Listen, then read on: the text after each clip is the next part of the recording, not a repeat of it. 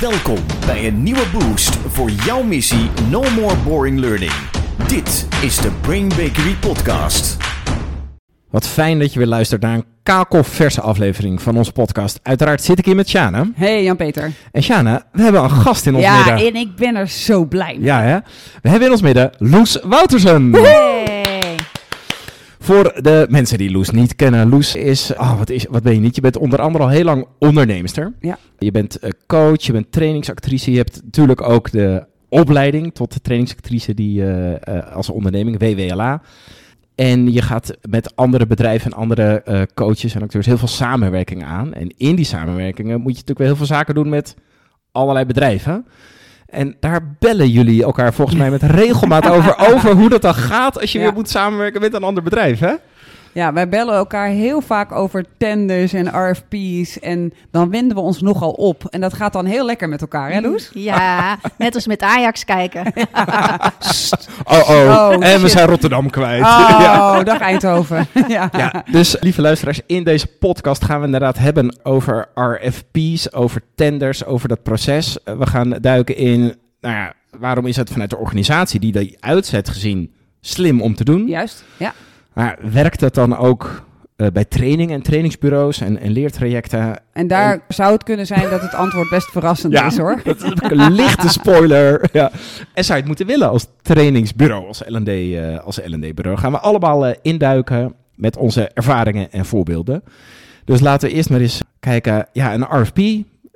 Moeten we nog even toelichten wat het is? Ja, laten we doen. Ja, ja een, RFP is een request for proposal. Dan word je dus gebeld of gemaild. En dan zegt een organisatie: luister, wij hebben trainingen of leertrajecten of acteurs of wat dan ook. Iets met leren hebben wij nodig. Of het kan ook over hele andere dingen gaan. Hè. We hebben technologie nodig of software nodig.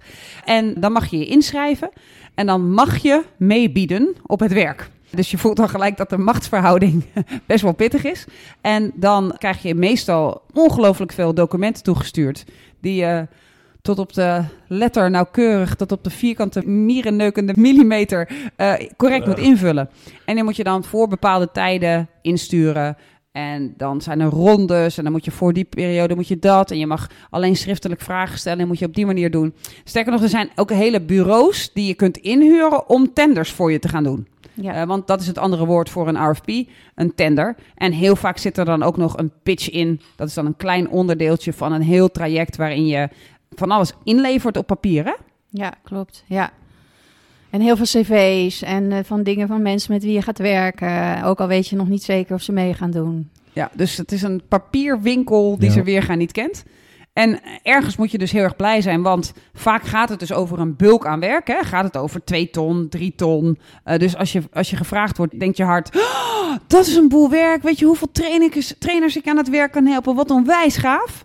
En je moet heel veel voorwerk doen. Ja. Ja, echt enorm. Ja. Hele pakken werk. Ja. En, en dan kun je ook nog afvragen, maar misschien moeten we het daar straks over hebben. Hoe goed zijn trainers over het algemeen in het opleveren van gedetailleerd werk? Oeh, ook een interessante invalshoek. eh, misschien nog een aparte podcast. hebben. Ja.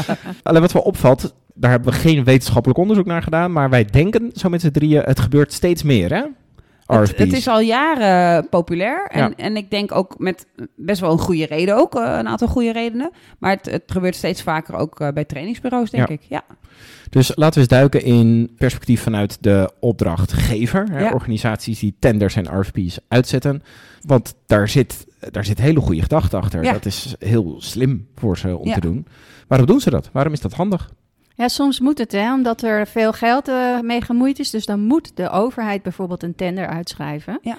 Dus dan komen ze daar sowieso niet omheen. En eh, ja, dan... Dat ligt eh, gewoon vast. dat dat dat vast. moet. En, en het is publiekelijk geld. Dus ze moeten ook goed kunnen verantwoorden. Hebben wij goed onderzoek gedaan dat we het niet ineens uitgeven aan iemand die veel te veel vraagt of die Ja. helemaal niet marktconform is. Dus Ja. ze moeten dat kunnen aantonen. En dat is waarom tenders of RFP's soms gewoon moeten. Ja. Ja. vandaar dat er ook een hele lijst bij zit... waar alle, iedereen allemaal hetzelfde moet invullen. Ja. Ja, zodat ze het ook echt in plaats van appels met peren toch proberen je een appeltje te maken en meerdere appels met elkaar te gaan vergelijken. Ja. Dus soms moet het gewoon. Ja, Ja. maar er zijn natuurlijk meer redenen waarom het nog meer slim is voor organisaties om dat te doen. Ja, je ziet dat ze een soort eerlijke vergelijking willen maken. Dus je- ze proberen leveling the playing field te doen. Hè? Dus ze proberen te zorgen dat doordat iedereen hetzelfde moet invullen, kunnen we iedereen even goed bekijken. En maken we een juiste, een soort ja, rutge foto van die organisatie. En kunnen we dus zeggen, hey, op deze plekken zitten er verschillen. En daar hangen ze dan weer verschillende punten aan. Dus dat, dat klinkt ook wel weer slim. Klinkt inderdaad wel handig, ja. Ja. Ja. bovendien kunnen ze heel goed de prijsvergelijking doen. Hè? Want ze gaan, je, je moet ook niet, voor mensen die niet weten hoe het werkt, maar je moet ook echt ook alles al zeggen wat het kost. moet je gewoon allemaal invullen van tevoren. Ja. Ja. En als ze dan extra dingen vragen, dan zou dat eventueel kunnen. Je hebt ook hele websites waar ze strategieën uiten, waar je kunt opzoeken. Je moet gewoon zo laag mogelijk bieden. En als je dan eenmaal binnen bent, dan ga je hem ophogen. Want ze kiezen toch op prijs. Dus er zijn allerlei strategieën ook voor om dat te gaan doen. Dat klinkt dan weer minder slim. Ja, Hey, het is wel, het is wel weer slim vanuit de opdrachtnemer. Voor de, maar- de ja. voor de opdrachtgever is dat natuurlijk helemaal niet Nee, fijn. precies, dat want, bedoel die, ik. Maar die dwingt het dus een beetje af Ja. dat er dit soort praktijken gaan Maar ontstaan. het is toch ook vaak zo dat iemand inkoopt die heel ver van de uitvoer afstaat. Ja, ja. En die dus ook denkt, ja, hallo, eh, waar, hoe moet ik anders weten wat ik inkoop? Ik ga gewoon even iets goed op papier laten zetten. Ja, hele goede reden om, om met tenders te werken. Want ja, ik ben van inkoop, ik weet niks van trainingen... of ik weet niks van technologie of van software, van whatever, whatever erin gekocht wordt... of van uniformen. Ik ga dat zo goed mogelijk op papier laten zetten. Ja. Eh, een ander is ook nog dat, de, dat je best wel een goede indruk al krijgt van... stel dat je een RFP voor trainingen aanvraagt van... Hoe ziet die training eruit? Ja. Want ze gaan vragen, bouw het maar vast op. Welke werkvormen stop je erin? Dus je, je gaat heel goed een, een soort, al even wat je normaal niet zo makkelijk kan, in de keuken kijken. Hoe bouwen ze dit? Hoe ziet dat eruit? Dus dat helpt ook. En is ook iets fijns waarvan ik me kan voorstellen, ja, dat wil je wel. Ja, en het is natuurlijk ook fijn, dan krijg je echt een variëteit te zien. Hè? Je ziet meerdere eh, mensen. Het is ook wel op zich aardig om meerdere mensen een kans te bieden, denk ik. Ja. Meerdere bureaus, meerdere bedrijven, zodat misschien waar je eh, bedrijven hebt waar je nooit aan had gedacht, die ook de kans krijgen om, eh, om eens te kijken. Alleen met tenders is het vaak wel zo. Je moet echt wel massa en volume hebben Ja. aan medewerkers om mee te kunnen doen. Ja, dus soms eh, merk je ook, horen wij ook in onze omgeving, heb je een vrij klein bureau. En die krijgt dan een vraag voor, weet ik veel, eh 200 dagen trainen in een jaar. Ja, En zij zijn met z'n drieën. ja. En ze hebben niet een groot netwerk om zich heen met trainers waarmee ze al werken. En dan krijgen ze soms ja, zo'n groot iets naar zich toe. Ja, Stress. kost 30, 40, soms wel 50, 60 uur om al die papa- paparazzen in te vullen. Dat is een grote voorinvestering die je moet doen als je zo'n klein bureau hè, bent. En waarom zou een klein bureau slechter zijn dan misschien een groot bureau die Ja, wel hierop precies. ingericht is? Nou ja, ze Ik moeten wel bewijzen. Ze moeten wel vaak bewijzen dat ze mensen ook kunnen leveren. En Ja. wie zijn het dan? En vandaar dat ik al honderdduizend keer mijn cv ergens heb moeten inleveren. Voor het geval de tender valt. Ja. Ja. Ja. ja, dus wij als branche van trainers houden het ook erg in stand dat we hier aan meedoen. ja, erg hè? Eh, dus ons vurige pleidooi, wat zo meteen gaat oplaaien, Ja, gaat ook zeggen dat we ermee moeten stoppen. Ja, echt. ja want, want tot nu toe hebben we gezegd, vanuit de opdrachtgever gezien, is het heel slim, is het handig, snappen we waar ze vandaan Begrijpelijk. komen, begrijpelijk. Begrijpelijk. Ja. Maar wel met een. Ja, er zit er wel een ondertoon, er zit wel een, zit wel een kritische noot in. Ja, eh, ja dus is eh, de, de kern van de vraag, werkt dit? Werkt dit voor trainingsbureaus en voor eh, als je product trainingen is? Nou, Loes, ja of nee? Nou, weet je, als het om een wasstraattraining gaat en eh, hij ligt op de plank en je weet precies wat je gaat doen en niemand heeft nog ooit een training gehad en eh, die mensen zijn helemaal blanco. Bleu, ja. Wie weet. Maar zodra je meer procesmatig werkt of mensen hebben al eerder iets geleerd, dan zou ik zeggen dat is heel vervelend.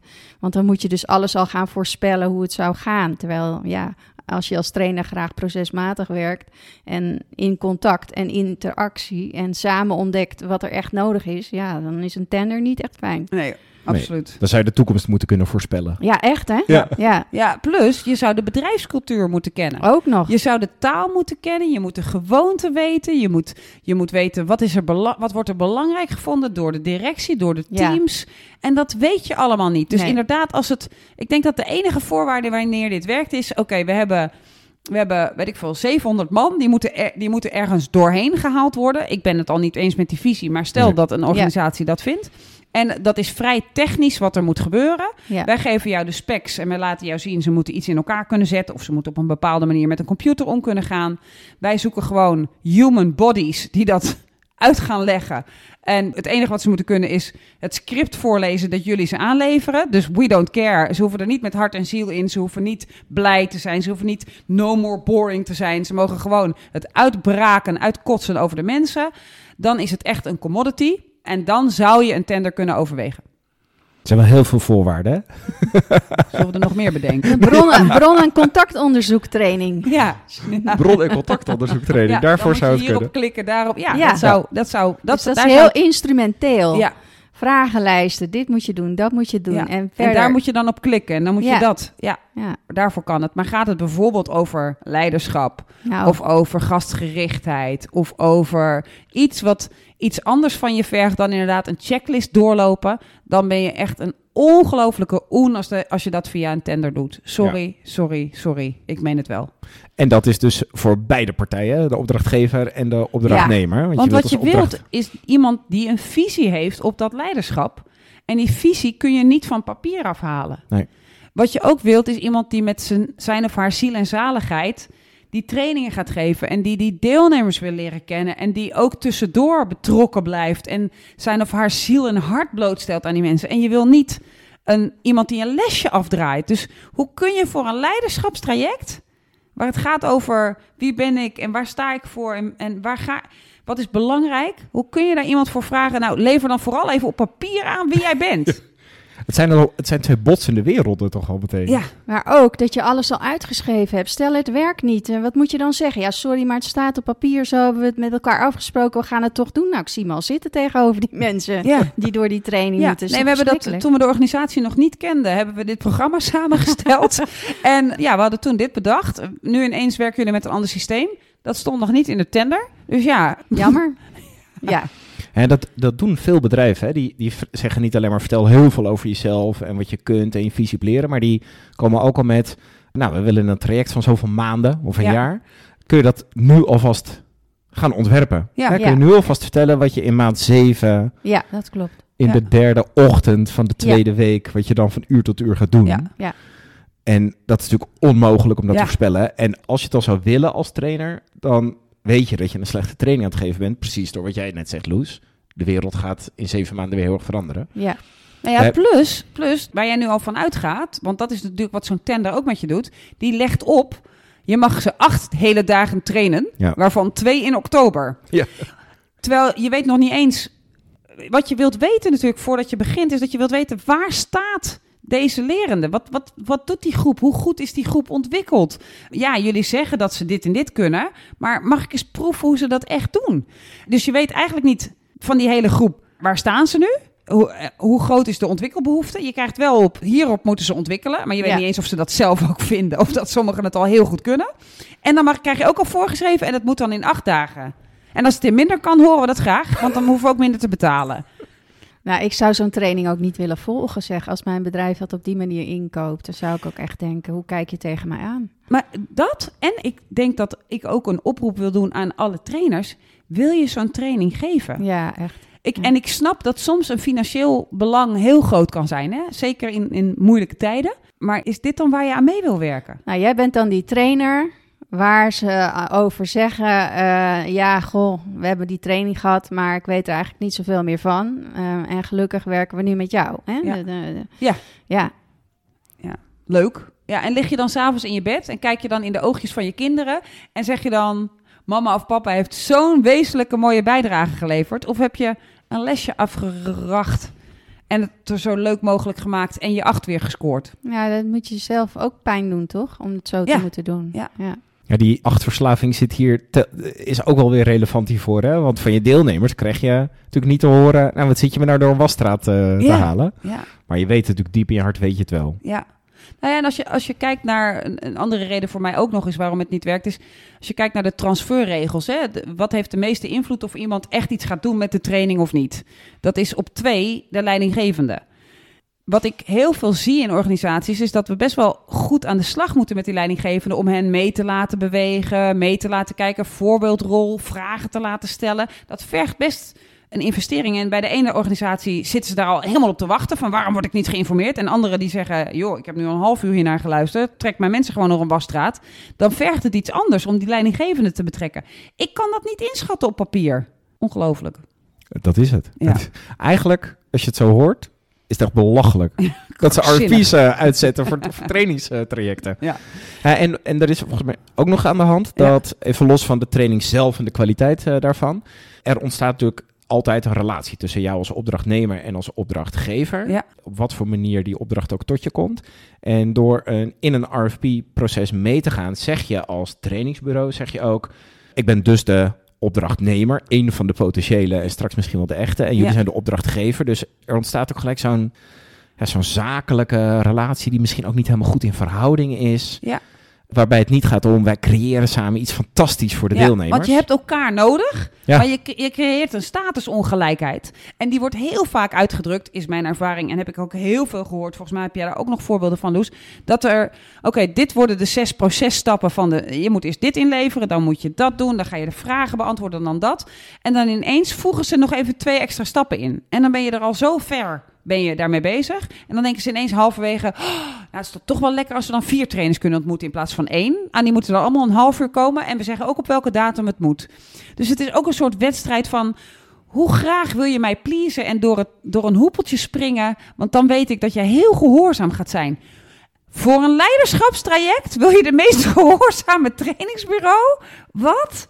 Ja, het is ook echt beledigend en krenkend, vind ik ook eigenlijk. Ja. hoor. De manier waarop je dan behandeld wordt met, zo'n met, met je papiertje met zes punten. Of je even in tien minuten wil vertellen hoe het hele traject eruit gaat zien. Terwijl je net al veertig pagina's hebt ingeleverd. Ja. Dan denk ik, wat wil je nou precies horen in die tien minuten? Het gaat toch over leiderschap? Nou, in dit geval was dat zo. Ja, Eh, waarom vraag je niet wat? Waarom maak je geen contact? Heel bijzonder. Ik begrijp er echt helemaal niets van. Nee. En dan ook nog voorschrijven, in jouw geval, dat de mensen ook nog heel erg mochten opboksen tegen eh, de laag boven hen. En dat het echt gewenst was dat er nou eens echt leiderschap ging ontstaan. En het enige wat ze van jullie vroegen is ja, eigenlijk een soort zieloze gehoorzaamheid. Ja, spring door de hoepel. Ja. ja. en als je dat dan goed doet, dan ben je dus heel geschikt om leiders op te leiden die, die een soort eh, gaan rebelleren tegen, tegen de status quo. Mhm. Meteen de verkeerde boodschap dus. Ja. ja. Ja, wij hebben er helaas Ja. ook wel wat ervaringen Ja. in. Eh, een hele tijd geleden, een, een, landelijk eh, opererend bedrijf kwam inderdaad met een RFP-voorstel of een verzoek eh, tot ons. Ja. En eh, toen, we- ergens voelden we al wel wat twijfel, maar we gingen er nog in mee. Hè? We hadden Ja, dit, we dachten 500 Precies. leiders die Ja. nooit of die niet heel veel training hebben gehad. Oké. Wauw! De zagen- kans dat we hun Ja. een soort no more boring op mogen stoten in de vaart der volkeren. Mijn hart ging open. we zagen ja. potentie voor grote impact maken, zagen we. Ja. En dit bleek eigenlijk al die dingen die, die wij nu bespreken, bleken allemaal. Oh. Nee, het was echt vanuit de leveranciersgedachte. Je moest heel veel eh, invullen. En dit was ook letterlijk, we hebben 500 leiders. We hebben, we, wij hebben al bedacht, het moet een jaar duren. Vertel maar, wat ga je in maand 1 doen? Wat ga je in maand 2 doen? Wat ga je in maand 3 Ja. Nou, het, kon gewoon niet. Nee, is- en, en we hebben dat aangepakt door juist heel veel connectie te maken met Ja. ze. En door heel erg te zeggen, wij gaan niet nu al uitschrijven. Wij willen eerst dat onderzoek doen, maar wel heel veel voorbeelden van hoe het eruit zou kunnen komen te zien. Dus je merkte eigenlijk dat dat hele team wat daarbij betrokken was, enorm enthousiast was. Ja. Wij, wij werden ook steeds enthousiaster, want wij dachten met dit team kunnen wij echt de wereld veroveren en geweldig. We hadden ook al gevraagd, joh, zeg nou maar gewoon de prijs. En dan kunnen wij kijken of we het doen. Want je wil daar toch op kiezen, dus zeg maar gewoon de prijs. Dus dat hadden we ook al afgevinkt. En toen op het allerlaatst werden wij het niet. En dat kwam omdat ze toen bedacht hadden, ja, nu moeten we naar de directie. Oh, en ja. die willen een programma zien. Ja, dat is en het. jullie hebben geen programma gegeven. Jullie hebben ons een gevoel gegeven. Hoe breng ik dat gevoel over? Dus toen zijn we het niet geworden. Ja, heel herkenbaar. Ja, en daar hebben wij op besloten. Wij doen nooit meer mee met een RFP of een tender. Als er niet echt kennis maken, echt samen dat stuk in zit. Als dat er niet in verwerkt zit, doen we gewoon niet meer mee. Nee, want je geeft ook heel veel weg, hè? Ik Mhm. bedoel, als je al die werkvormen gaat lopen uitschrijven... het hele programma's van dagen, al, als dat in te vullen... Ja. dan denk ik, nou, sorry, maar ehm, het is ook een hoop intellectueel eigendom... wat ik hier zomaar prijsgeef. ja, nou ja, en, en dat is ook volgens mij, als ik de brug vast mag maken... Naar Zeker. Waarom moet je dit niet willen als Ja. trainer of trainingsbureau? Waarom moeten wij massaal gaan zeggen: no way? Doe het maar op een andere manier. Ga maar kennis maken. Vraag ons desnoods om twee dagen mee te komen lopen en daarop te reflecteren met jullie. Wees heel duidelijk, ik wil dat je zoveel tijd investeert in ons. Anders weet ik niet wie ik moet kiezen. Of Als je het gewoon kunt, betaal daar dan ook voor en kies daar vijf bureaus voor. Maar doe iets anders. Want waarom moet je het niet willen als, als bureau? Ten eerste moet je het niet willen als bureau omdat op het moment dat jij dus alles opschrijft wat jij gaat doen, dan is dat of door jou zelf bedacht. In heel veel gevallen kopiëren trainingbureaus. Alle eh, werken ze nog steeds vandaag de dag met situationele leiding geven. Het sandwich feedback model, de roos van Lery. Er komt nog heel veel rond wat niet uniek is. Wat hè, op dus de plank ligt. wat op de plank ligt. Ja. Ehm, dus als je meedoet, zeg je eigenlijk: ik ben een commodity. Op iedere straathoek kun je kopen wat ik doe. Dat is eigenlijk wat je vertelt. Dus als, Ja. als leider van jouw organisatie is dat de boodschap die je jouw mensen wil geven. Ten tweede, een bekende Amerikaanse uitspraak is natuurlijk: tendered business does not stick. Wat bedoelen ze daarmee? Als jij nu meegaat in de tender, dan gaan we over een jaar, ben je klaar. En dan gaan we natuurlijk weer opnieuw tenderen. Dus je kunt niet iets opbouwen waar- waarbij je een paar jaar lang mooie impact kunt maken met een organisatie. Heel vaak weten ze al wie ze willen. Ja. Die schrijft mee aan Ja. hoe de tender moet. Ja. En uiteindelijk wordt het die. Ja, dat is echt kwalijk. Ja, Ja, en dan vraag je dus van andere bureaus gewoon willens en wetens echt, kun je jezelf in de spiegel kijken of niet? Om 30, 40, 50, 60 uur met een heel team te gaan knallen op zo'n RFP, zodat jij de RFP kunt doen, omdat dat nou eenmaal moet, terwijl je eigenlijk weet, ik wil met die werken. ja. Dat is ook weer een reden om het niet af te dwingen via regels, Ja. een RFP. Want dan ga je dit soort Doe nou situaties krijgen. Ja. Jouw mensen, als jij een trainingsbureau hebt en die gaan dit schrijven, die gaan denken vanuit de prijs. Want de prijs is altijd 600 punten of te veel punten, waardoor die prijs ineens heel belangrijk is. Dus je gaat ook vertellen aan je mensen, wij gaan uitverkoop houden en dat doen we voor bulk. En daar zetten we dan trainers op die eigenlijk al brain dead zijn, want die moeten een commodity uitvoeren. ja, en een heel laag tarief hanteren. Ja, dus, eh, dus ja, eigenlijk bukt u zich maar, dan hang ik hem er even in. Prima. Sorry Dit, hoor. wordt, dit wordt een volwassen versie van... eh, er moet een soort disclaimer op. Alleen, voor, als je, alleen als je boven de 18 bent mag je luisteren. Dan heb je ook nog een reden waarom je het als eh, trainingsbureau denk ik niet moet willen. Is je gaat dus een soort loterij in. Je weet niet wat de stakes zijn. Je weet niet of je rigged is. Je gaat uren investeren. Iedereen gaat hopen. Je gaat inderdaad creëren. Oh, wat voor gaaf zou dat kunnen betekenen. En dan valt de loterij de ene of de andere kant op. En ik heb ook wel meegemaakt dat er heel slecht na afloop wordt gecommuniceerd. Ja, Eén telefoontje. Je Ja. hebt 30, 40 uur geïnvesteerd. Eén telefoontje. En je bent niet geworden. De andere partij was toch meer geschikt. Pardon? Ja, dat is echt schandalig. En dus laat je weer zien, ik ben akkoord gegaan met zo'n relatie. En met zo'n behandeling. Ja. Want zelfs al heb je een ongelijkwaardige relatie, hoef je nog niet zo behandeld te worden. Nee. Eh, Loes, het, het standpunt dat we hebben hier is eh, duidelijk. Heb jij, voordat we dit standpunt hadden, veel aan RFP's meegedaan? Of word je soort nog wel gedwongen om eraan mee te doen? Ja, ik ben een aantal keren gevraagd door opdrachtgevers om erin mee in te voegen. En dus mijn cv aan te leveren en hele verhalen op te schrijven wat brain dead eh, is. Want Ja. het is echt niet leuk om dat te doen. Wil je weer even iets over jezelf opschrijven? Want het moet erbij gevoegd worden. Maar ik heb dus inderdaad met een bureau ook meegedaan bij een groot ziekenhuis. Waar echt al, ik weet niet hoeveel werk in zat. Ook voordat ik erbij kwam al.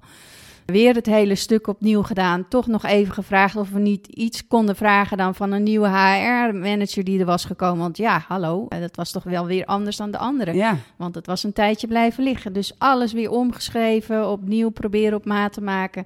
En dan krijg je ineens, eh, ja, nou, hier heb je een paar A4'tjes. Daar staat op wat je straks in een pitch van 10 minuten moet gaan zeggen. Het is echt... Oh. Een extra voorwaarde ineens. Hè? Van, Ja, je springt nu zo mooi door deze hoepel. Ik heb er nog één. en ook niet, sorry. Wat, want als je nog zou zeggen... eh, Je kan je voorstellen dat je in dat tenderteam zit... en dat je denkt, shit, ik kan niet kiezen. Ik heb nog iets extra's nodig. Wat erg. Ja. Dan bel je op en dan zeg je... Sorry, we dachten dat we nu voldoende hadden... en we merken dat we toch nog mensen willen zien... Mogen we even overleggen over hoe we dat vormgeven? In plaats van, hier, vier pagina's, kom in tien minuten. En waar ging het over leiderschap, toch? Zeker. Ja, Ja. ja. Vind jij het Ja. moeilijk, Sjane, nog? Om eh, nee te zeggen Nee, ik tegen vind RFP's? het nu niet meer moeilijk. We zaten in twee tenders. En Ja. eh, eentje, nou, daar heb je de afloop al van geschetst. hè. En de ander die liep toen nog. En toen hebben wij besloten van, we willen niet meer. Wat ik heel gaaf vond aan die organisatie... is dat zij vervolgens zeiden, ho ho, jullie trekken je terug uit de tender... dat werd vanuit de, de inkoper, was dat... Ik had zes partijen nodig. Er is één partij weg. Dit kan niet. Dus dat was niet een hele fraaie reden. Maar van de, vanaf de HR-kant was het... Ik wil hiervan leren. Wat maakt dat jullie je terugtrekken? Oh, dat is mooi. En daar hebben we een heel gaaf gesprek over gehad. Heeft niets veranderd. maar ik voelde me wel gezien, gehoord en gewaardeerd. En eh, best wel een gaaf gesprek over gehad over... Ja, hoe komt het nou dat dit moet? En, hoe kom, en, en kies je zo de beste? Ja. Dat was het enige wat ik nog er achteraf aan overhield. Omdat wij ook op een hele eigen manier die pitch hadden gedaan. En niet volgens hun regels. Dat ik dacht, nou, als ze iets anders willen, ooit. Dan waren er genoeg mensen bij die door hadden van... nou, als we dat willen, dan moeten we bij hun zijn. Ja, omdat je eigenlijk de regels overboord had Ja. gegooid en daar niet ter plekke nog door zes hoepels sprong, Ja, maar eh, zei: Ik ga basketballen. Ja, ja, precies. ja, Ja. ja. wauw. Ja, ja dus, dus je eigenheid kwijt kunnen, je gezien voelen, dat, dat vervalt allemaal met een tender. En dat is, ja, je wilt toch een trainer om zijn hart? Ja, je bent je eigen instrument als Ja. trainer. Waarom zou je dat helemaal koud stellen om, eh, om een soort eh, gemechaniseerd eh, ding op tafel te krijgen? Ja. Je wilt toch precies zien wie je, met wie je te maken Ja. hebt. Ja. En met wie je mensen te maken gaan Ja. krijgen. Ik denk dat het eh, goed is om straks ook nog heel even te kijken naar, ja, oké, wat dit klinkt naar de conclusie, dit doen we niet. Ja. wat dan wel, maar wat is inderdaad de conclusie, eh Sjane? Ik denk dat als je dus een training hebt die een commodity is. En even voor iedereen, wat bedoel ik met een commodity? Want er zijn natuurlijk vele definities van. Je kunt het op iedere straathoek voor heel weinig geld generiek kopen. En het heeft geen hoger doel dan een instrumenteel doel. Dan kun je het prima doen. Dan nog zou ik er niet voor kiezen, want volgens mij ga je er zelf ook je ziel een stukje Ja. dood van. Eh, maar, maar dan kan het. Ik denk dat het in de technologiekant ook prima kan. Hè? Dus dat je in technologie vraagstukken prima kunt zeggen... joh, ik moet alle specificaties weten. Maar zelfs daarvan kun je nu zeggen... is het niet obsolet? Ik kwam een quote tegen uit Forbes. Dus ik ga even proberen in mijn beste Engels dat voor te lezen. The RFP as we know it is an inferior tool for evaluating agencies. It's obsolete. It might give a rough idea of an agency's past accomplishments, and these can inform somewhat of what's ahead. However, you're not hiring an agency's past, you're hiring its future. And that future is more likely to be a reflection of an agency's leadership's vision, the people it hires, and their willingness to embrace what's coming, rather than preserve what has been. Dus Forbes, toch een van de meest toonaangevende organisaties, die zegt ook van stop ermee nu. En die hebben het niet alleen over trainingen, maar ik denk dat als wij zouden zeggen en voor trainingen, had het al honderd jaar geleden moeten stoppen, denk ik. De conclusie is helder. Geen RFP's, geen tenders voor leertrajecten en leerinterventies. Met een hele kleine nuance. Maar eigenlijk zijn we ook die nuance alweer aan het nuanceren. dus dan resteert nog de vraag: oké, als je als of als inkopende organisatie, of natuurlijk als LD-bureau die, eh, die mooie opdracht wil binnenhalen, hoe, hoe werkt dit proces dan wel goed? Ik denk dat relatie bouwen het allerbelangrijkste is. Elkaar leren kennen en zorgen dat dat trainingsbureau de context weet van waarin jouw mensen werken. Wat doen ze de hele dag? Wat voor soort klanten hebben ze? Hoeveel gesprekken hebben ze met een klant? Wat gebeurt daar binnen? Als een trainingsbureau dat niet weet, hoe kunnen ze dan een training geven die gericht is op deze mensen? Dan ga je toch iets doen wat over. Dan ga je toch terug naar school van nou. Ik weet dat je nu elf bent, maar helaas, je zit nu in aardrijkskunde. En aardrijkskunde gaat nu over de geologische ondergrond van Siberië. Good luck. Succes. Ja, Ja. dit werkt trouwens overal, want iedereen kan dit leren. Maar het is niet op maat, het is niet dedicated, het is niet eh, helpend. Dus ze hebben er ook heel weinig aan. Dus je vertelt ook als organisatie je mensen... nou, we hebben zo mooi getenderd, we hebben heel goedkoop iemand eruit gehaald... en die gaat nu jullie nu gewoon nog een wasstraat trekken. Stop it. Precies wat je waard bent. Hè? Ja. Ja. Dat gaf jij ook al aan, Loes. Hè? Het gaat ook nog, je geeft ook een boodschap aan richting je medewerkers als organisatie. Ja, hoe goed heb je Ja. naar ze geluisterd? Hoe Ja. goed heb je naar ze gekeken? Hoe goed snap je wat ze doen? Daarom is het denk ik ook moeilijk soms dat er een inkoper tussen zit die zo ver van de mensen afstaat. Dan moet je gewoon, als je een inkoper hebt, echt heel goed eh, gesprek mee hebben om goed te instrueren en te weten wat hij moet inkopen. Ja. Dus de En, en, en ik denk dat die dat wel van tevoren zou mogen vragen. Ik zou het helemaal niet erg vinden. Ik weet niet hoe jij ernaar kijkt. Als iemand zegt, joh, luister, wij willen een traject. Daar hebben we zoveel mensen in. En dat moet voor zoveel euro kunnen. Denk jij dat dat kan? Nou, kunnen we van tevoren prima zeggen. Ik denk dat het zou moeten kunnen. Eh, maar laten we nog even wat onderzoek doen. En dan, als het gaat om de prijs... joh, je kunt gewoon marktconforme prijzen opzoeken. Je kijkt op drie websites en je weet ongeveer wat je ervoor betaalt. Je kunt over voorbereidingstijd kun je het dan nog hebben, maar dan kom je wel uit. Ja, Volgens mij is dat nooit het grote probleem. En kun je dat ook prima van tevoren afspreken. Van joh, alles wat we gaan doen, dat moet binnen dit budget passen. Nou, Ja. dan heb je die zekerheid, dan heb je de inkoper is blij. Het enige wat wij nog niet besproken Mhm. hebben is dat mensen soms ook een soort garantie op de output Ja. willen hebben. Ja. En daarop willen kunnen vergelijken. Ja. Maar goed, ik denk dat het een schijnvergelijking is als je dat doet hè, met zo'n vooraf eh, uitgeschreven traject. Ja. Eh, maar voor blauwe types is het misschien fijn. Ik weet het niet. Ja. Sjane, kijk even naar jou. Ja, ik denk dat hoe meetbaarder trainingen worden, hè, hoe hoe meetbaar de output van een training wordt, hoe waarschijnlijker het is dat wat we daar naartoe gaan, dat we dat in kaart kunnen gaan brengen. Ik denk dat daar de trainingswereld nog een ernstige verslaving aan de acht heeft, dus dat dat nu nog niet heel erg gaat gebeuren. Eh, maar, maar wij meten best wel vaak eh, output. Alleen dat kun je alleen maar doen door heel goede gesprekken te hebben over wat zijn alle omstandigheden. Want Ja. als er iets gebeurt in de branche en de hele branche kukelt naar beneden of gaat omhoog, dan wil je het verschil wel gaan aftrekken of erbij optellen. Je wil, je wil zorgen dat je een goede vergelijking maakt van waar, hoe ver was onze invloed en hoe ver was de invloed van de, Ja. de branchebeweging. Zonder nulmeter kan je toch totaal geen output-uitkomst geven. 100% niet. Ja, ja. Want dan ga je dus zeggen van, nou, ik denk dat de leiders zoveel procent beter worden. maar ik weet niet wat ze nu doen en ik ken hun niveau ook niet. Maar ik denk wel dat ze zoveel beter worden. Ja. Welke magician kan dat? Ja, en waarom wil je daar dan op gerustgesteld worden? Ja. Dus, de conclusie. Geen RFP's. Een RFP is eigenlijk een request for problems. Die laten we even inzinken, Ja. eh, Loes. Dan zijn wij aan het einde gekomen van deze podcast. Namens uh, Sjaan en wij, Loes, dank je wel. Een heel Ja. leuk dat je erbij was. Dat Ja. je je kennis en ervaring eh, met ons en onze luisteraars wilde delen. Sjane, ja, wij bedanken onze luisteraars. Ja. Ja. Fijn dat jullie weer geluisterd hebben. Juist, en heel graag. Tot de volgende keer. En zeg nee. Zeg nee tegen de RFP. Zeg nee, zeg nee, zeg nee tegen de RFP. No more boring learning. Dit was de Brain Bakery podcast. Wil je meer weten? Kijk dan op brainbakery.com of volg ons op onze socials.